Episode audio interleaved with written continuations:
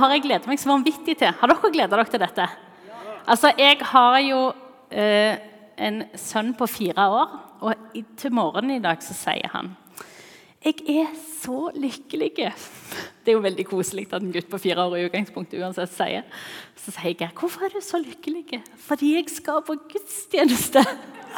Tenk, det, det er faktisk helt konge. Det er sånn, du vet at du oppdrar som pastorbarn. pastorbarn da, Men det var jo veldig koselig. Og jeg kunne gjenkjenne det. Jeg var, yes, jeg er så lykkelig.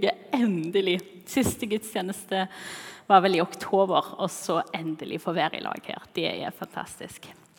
Jeg eh, er ikke bare lykkelig for å være her. Jeg er i tillegg eh, Hanne Therese, for dere som ikke visste det. Først og fremst lykkelig, deretter Hanne Therese. Og jeg har gleden av å være en del av pastorteamet her i Jimmy. Og eh, Hvor mange av dere føler at dere har hørt nå at i morgen begynner det ei litt spesiell uke? Ja, ja.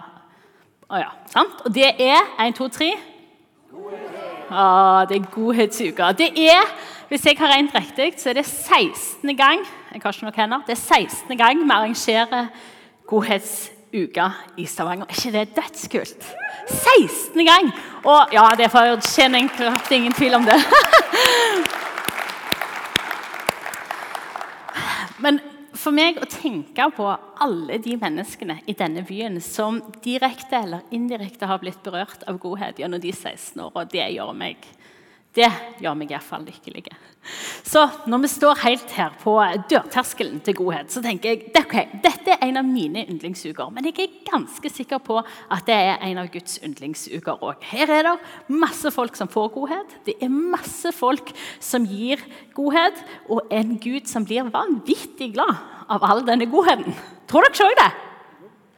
Nei, dere, ja, ja. Det var nå to, i hvert fall. Vi skal snakke mer om det, skal vi snakke om, se om dere blir enige med meg. Denne uka her, den er så vanvittig gull. Så jeg har liksom lyst til å si litt sånn Gratulerer med dagen. Gratulerer med uka. Dere kan bare glede dere. Dette blir så steinbra. Ja, dette blir rett og slett kjempebra. Men vi skal ikke bare snakke om godhet. Vi skal også snakke om tilbedelse i dag. Og hvordan disse her to henger sammen. For de henger jo veldig godt i lag. Jeg har hørt en setning ganske mange ganger siden vi eller i løpet av den fasen vi ikke har hatt gudstjeneste her. Og det er ca. sånn som dette her. Jeg gleder meg så vanvittig til vi kommer tilbake igjen på IMI og vi kan lovsynge i lag. Hvor mange av dere har enten hørt det eller tenkt det eller sagt det? Ja, det er ganske mange. Jeg har definitivt både hørt det og tenkt det og sagt det. Jeg har gleda meg så til dette. Og parentesen der er Akta lovsang, takk for at dere leder oss så nydelig i dag. Ja, skal vi gi dem en klapp til? Ja.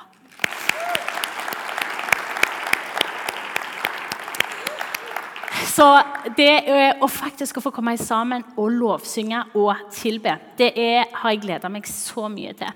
Um, og så er jeg jo glad for at vi ikke trenger et lovsangsteam. Vi trenger ikke disse fire veggene for å lovsynge eller for å tilbe Gud.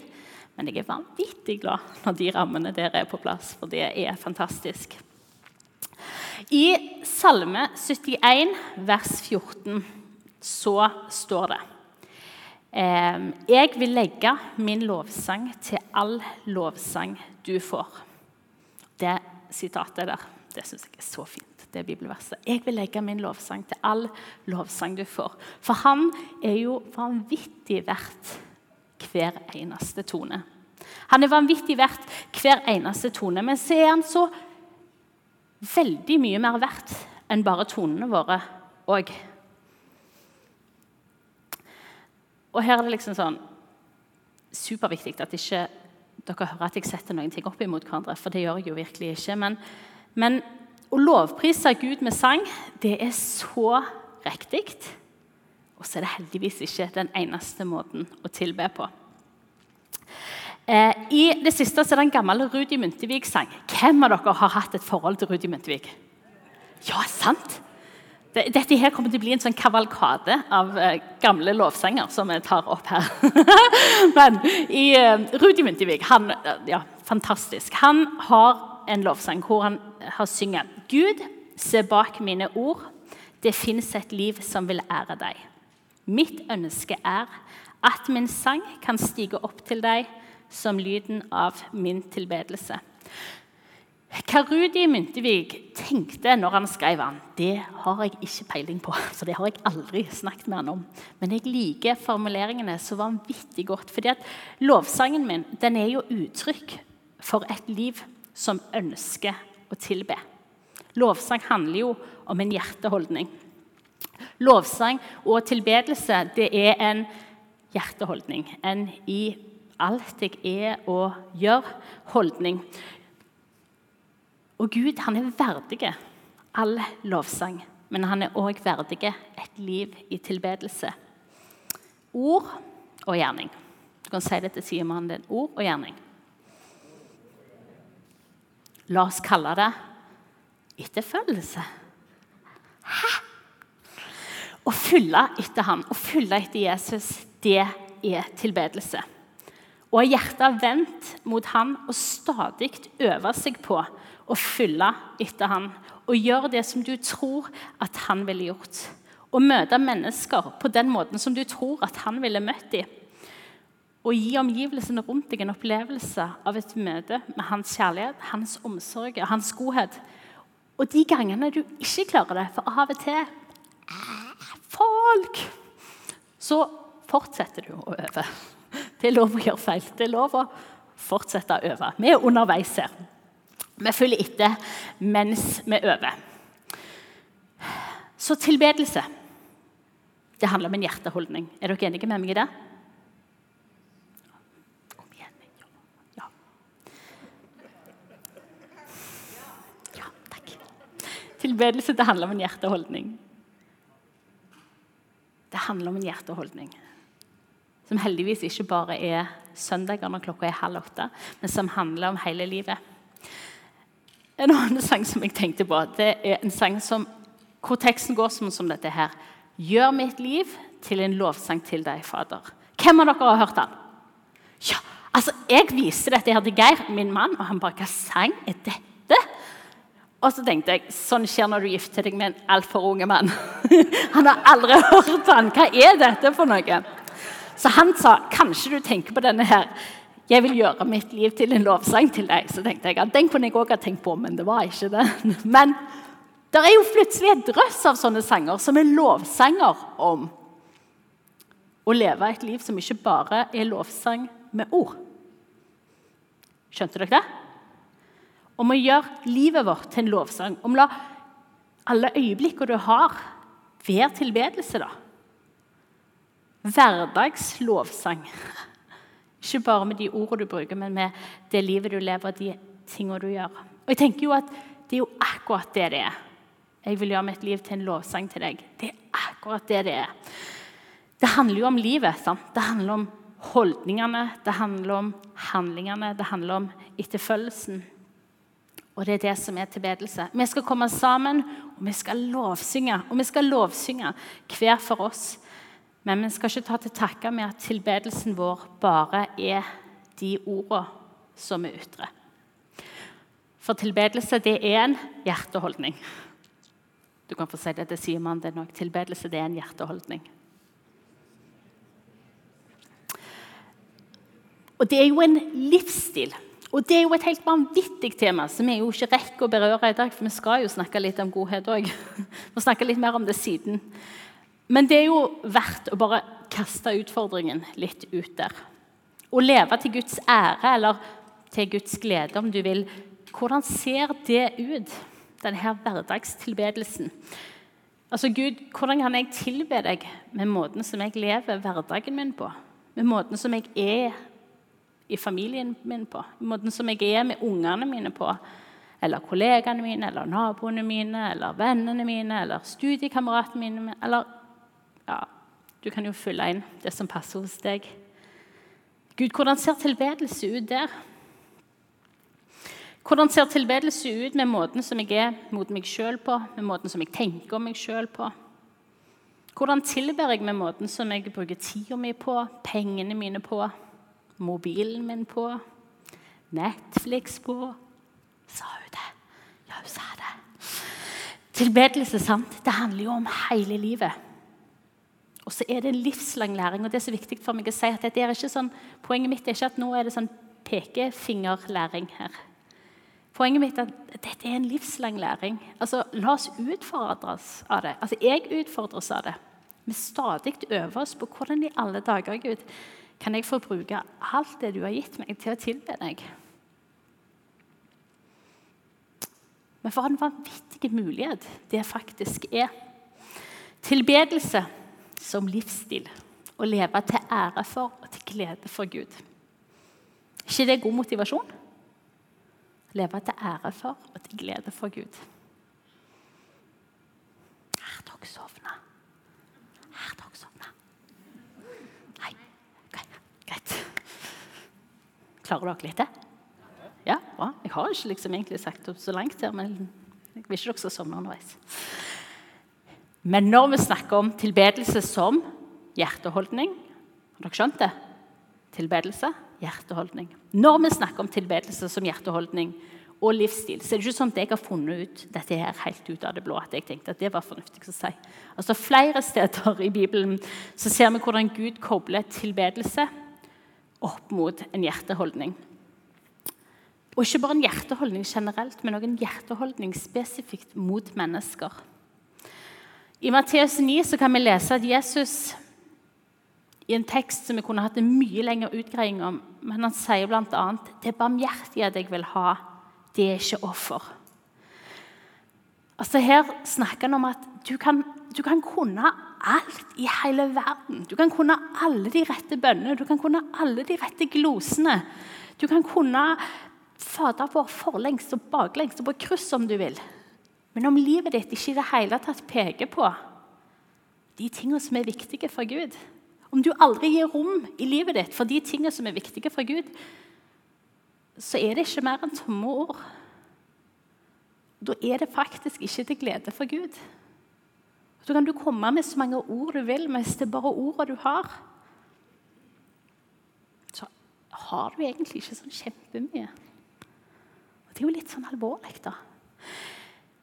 Jeg føler at det er liksom sånn første Korinterbrev 13 det liksom bare runger over det. At du kan ha all profetisk gave. Om du gjør alle tingene eller kan alle de rette tingene, men om du ikke har kjærlighet, så er det bare drønnende malm og klingende bjeller. Det er liksom bare vekke. Det må være noe mer. Det kan ikke bare være ord vi har. Det må være et liv. Og gjør vi et litt sånn kjempevidt sprang innenfor samme bok, men større tema, i Mattes 25, så treffer vi på domsordene.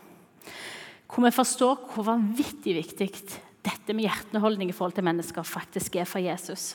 For Jesus han bruker nettopp denne hjerteholdninga i forhold til folk i forhold til de som er alene, i forhold til de som er utstøtte, i forhold til de som er sultne eller tørste eller mangler klær eller er i slaveri.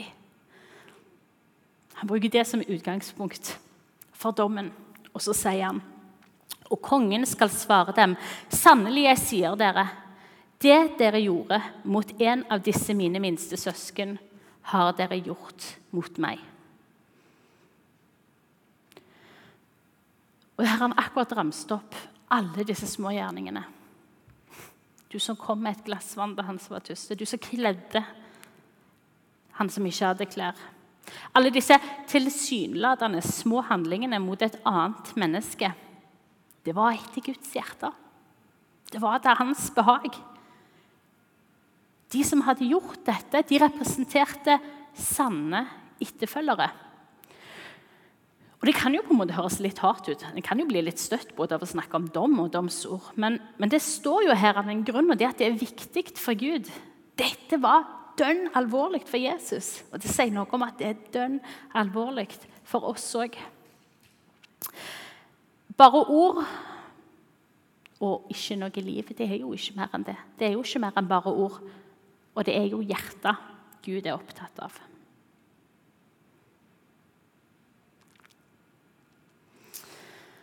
Men så Det ble alvorlig på slutten her. Etterfølgelse og tilbedelse på sitt aller fineste, syns jeg. det må jo være godhet. Etterfølgelse og tilbedelse på sitt fineste. For et opplegg! Gud, han som er kilden for alt som er godt. Alt som er godt, har sitt opphav i Gud. Og Når vi snakker om godhet, så snakker vi jo ikke om en idé, vi snakker ikke om et konsept, vi snakker jo ikke om en verdi, vi snakker om en person. Og vi snakker om en som er godhet. Han som er godhet. Og for et vanvittig utgangspunkt at han får meg kalle far.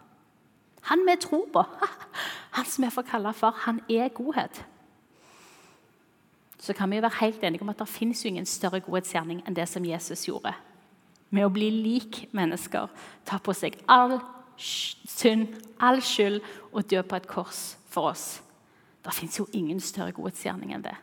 Men så vet vi jo, når vi leser evangeliene, at hele Jesu liv var jo fullt av godhetsgjerninger. Han så de utstøtte, han helbreda de syke, han ga mat til de som var sultne. Han vekte opp de døde. Altså, Godhet fulgte han så vanvittig. Hvorfor fulgte godheten? Fordi han er god. Det sier jo seg sjøl. Men godhet det er hva han gjør. Det er hvem han er. Og det er han som er mesteren, og det er han vi følger etter. Det er han vi følger etter. Så hvis ikke, ikke godhet kjennetegner våre liv, så er det noe som skurrer med etterfølgelsen vår. Alan Hirsch har jo et sitat som jeg elsker å sitere. Det går jo sånn som dette her. If the church doesn't look like Jesus, then what the hell are we doing? Nei, vi ikke si det på norsk. If the church doesn't look like Jesus, then what the hell are we doing? Jeg tror det er klin umulig å følge etter Jesus, og at godhet ikke følger etter oss. Jeg tror det er klin umulig å følge etter Jesus, og at godhet ikke følger oss. Jeg tror det er nødt til å være helt sånn Det er nødt til å henge sammen. Fordi at han var godhet. Det var godhet i alle hans fotspor. Jeg tror det sier noe om hva vi skal få la oss utfordres av. Så Det er ikke vanskelig å forstå at godhet det er til Guds ære, det er til Guds glede. Og Jeg har ofte sagt i forhold til godhetsuke, og det står jeg fortsatt inne for, at godhet det er Jeg tror egentlig ikke det var jeg som sa det først. Ikke si det til han som sitter der nede. Ikke si det han som sitter der nede. Det var han som sa det først. Men altså, godhet det er godt for de som tar imot det. Men det er best for oss som gjør det. For oss forandrer det. Og det har vært vår erfaring i IMI. At det er best for oss å gjøre det. Men jeg har tenkt at vi trenger liksom å legge Jesus inn i denne ligningen òg. For tingen er at jeg tror det er godt for de som tar imot det. Jeg tror det er bedre for oss som gir. Men jeg tror faktisk kanskje jeg har lyst til å påstå at det er best for Gud. For jeg tror han gleder seg så vanvittig over det som skjer. Jeg tror han gleder seg så vanvittig over den tilbedelsen som den uka der er. Av folk som vil følge etter han, og som gjør det så konkret og så håndfast at folk som ennå ikke kjenner han, får erfare det. Jeg tror han gleder seg så vanvittig over det. Når vi tar den der malerkosten og demonstrerer for folk at Det handler jo ikke om malerkosten. Det handler om jeg ser deg. Du er så verdifull. Du er så verdifull at jeg gjerne setter av ei uke for å male huset ditt. Jeg setter gjerne av tid og krefter fordi du er så vanvittig verdifull, og det vil jeg at du skal vite. Det er jo det den malerkosten der faktisk betyr. sant? Og Det er jo det godhetsuka handler om. Det handler om å elske folk. Og Der vil jeg bare stoppe opp og si snakk om tilbedelse i praksis. Det handler om å elske folk. Den uka som ligger foran oss, som jo ikke bare handler om ei uke. Det handler jo om et, et helt liv. Men vi bruker denne uka som et vanvittig godt sånn øvingsverktøy. Tilbedelse i praksis. Jeg har hatt enormt med godhetstaler opp gjennom. Og jeg tror jeg kunne argumentert ganske godt for hvorfor i alle dager godhet burde vært noe av det som Kirka legger absolutt mest tyngde på. Hvorfor det er viktig at vi gjør det. Men for meg så er essensen dette. Godhet det er å elske Gud, og det er å elske mennesker. Godhet det er å elske Gud og elske mennesker. Fordi at vi elsker Gud ved å følge etter ham. Det er sånn vi tilber. Det er en av måtene vi tilber på. Sånn, vi følger etter ham. Vi viser at vet du hva, vi har lyst til å leve liv som er til ære for deg, og som er til glede for deg. Og så elsker vi mennesker ved å vise dem Guds kjærlighet rent konkret, helt praktisk, og møte dem på det viset som Jesus ville gjort, med godhet og med omsorg. Betyr det noe, hæ, den malerkosten? Jeg vil si Det betyr noe for de som får det. Det betyr noe for de som gir det, og betyr noe for Gud. Så dere akkurat det? Det er et kinderegg. Det er tre i én denne uka. her. Det betyr noe for Gud, det betyr noe for deg, og det betyr noe for de som tar imot det. Det er jo, det er jo på kanten til storslagent. Jeg kan flåse så mye jeg vil, men det er viktig for meg at dere forstår det. At godhet det handler ikke bare om hva du har tid til. Det handler ikke bare om de som får ta imot noe som er godt. Men det er til vanvittig glede og til vanvittig ære for Gud. Fordi det er så etter hans hjerte. Så om du ønsker å ha livsstilen av å tilbe, så er dette et veldig godt sted å starte. For godhet det er tilbedelse, og det er etterfølgelse, og det gjør Gud så glad. Og motivasjonen din for denne uka er så som så. Så gjør det heller ingenting. Det er faktisk ikke så farlig. Det er faktisk ikke farlig i det hele tatt. Det viktige her er hva du faktisk gjør. Så kommer jeg med noen bilder som jeg ikke kan kjenne meg helt igjen i. men følg meg. Hvis du har lyst til å bli steingod i å spille fotball, som jeg ikke kan forstå at noen har lyst til å bli steingod til å bli Men det er jo sånn at noen har lyst til å bli steingod i å spille fotball. Da øver de jo masse. Og på de dagene hvor de egentlig ikke har lyst til å øve. Er dere enige med meg i det? De dagene de ikke er supermotiverte for å snøre på seg de skoene og gå ut og spille. Jeg hadde latt meg eh, overbevise av dårlig vær eller ja, av hva som helst. egentlig. Jeg hadde ikke hatt så veldig lyst uansett. Veldig lite motivasjon. Men skal du bli god til noe, så må du jo øve. Da må du jo tenke vet du hva, samme med motivasjonen. Jeg vet hva det overordna målet er. Og Sånn er det jo med godhet òg. Det er faktisk ikke så farlig hva motivasjonen din er. For det overordna målet med godhet det handler om å følge etter Jesus. Og det handler om å leve en livsstil av tilbedelse. Og Da er det ikke så farlig om du ikke våkna den dagen og kjente at du var i ekstra godt lunde, eller at du hadde spanderbuksene på. sant? Det er ikke så farlig hvordan du våkna den dagen. For det handler om hva i alle dager livet mitt får lov til å bety for Han som vi ønsker å ære.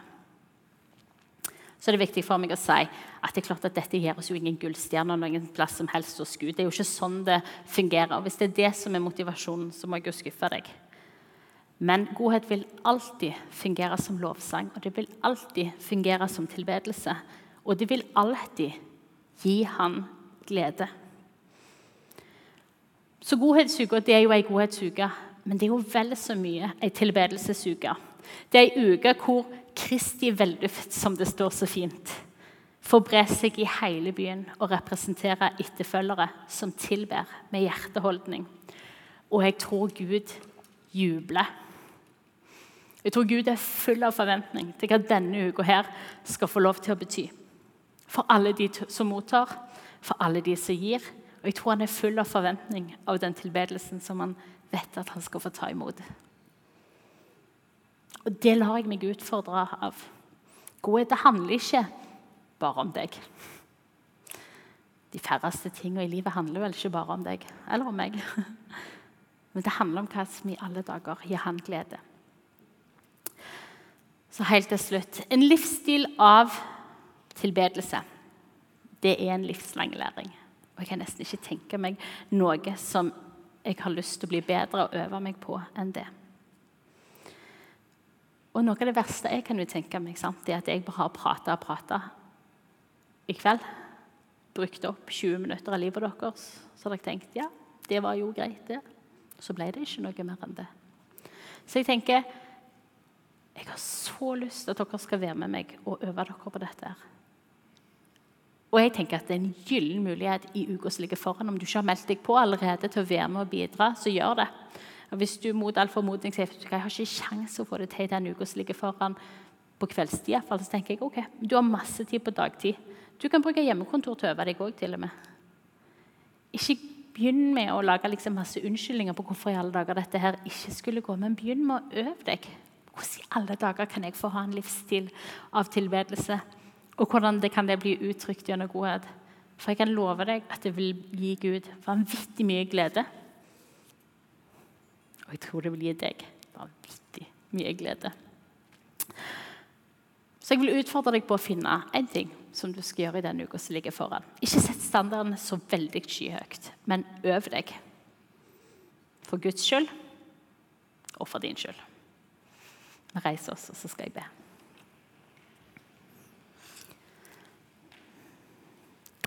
Gode Gud, jeg takker deg fordi det er du som er god.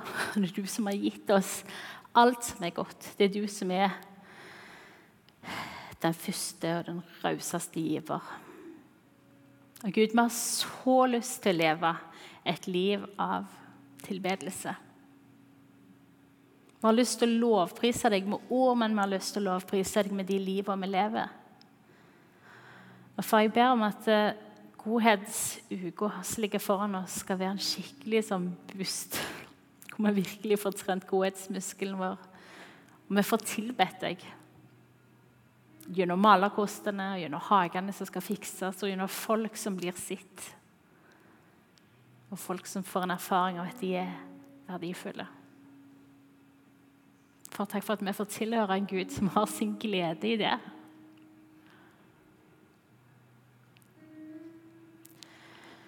Gud, la oss få lov til å være folk som tilber deg i ord og gjerning. Og far, Jeg ber om at det ikke skal få lov til å bli noen sånn hvilepute for oss. At vi er 16 år, vi har gjort det før. Gud, jeg ber om du skal riste i oss og inspirere oss og utfordre oss. Og minne oss på hvem vi kan få gå ei ekstra mil for i denne uka som ligger foran. Takk, Gud, for at du går med. Amen. Vi skal lovsynge. Og Akta lovsang de har skrevet en sang som heter 'Ingen større glede'. Og Den er det nok veldig stor sannsynlighet for at du ikke har hørt før. Stor sannsynlighet for at du kommer til å høre den igjen. Men lytt til den. Bli med og syng når du er klar for det, og la deg utfordre av det som faktisk synges.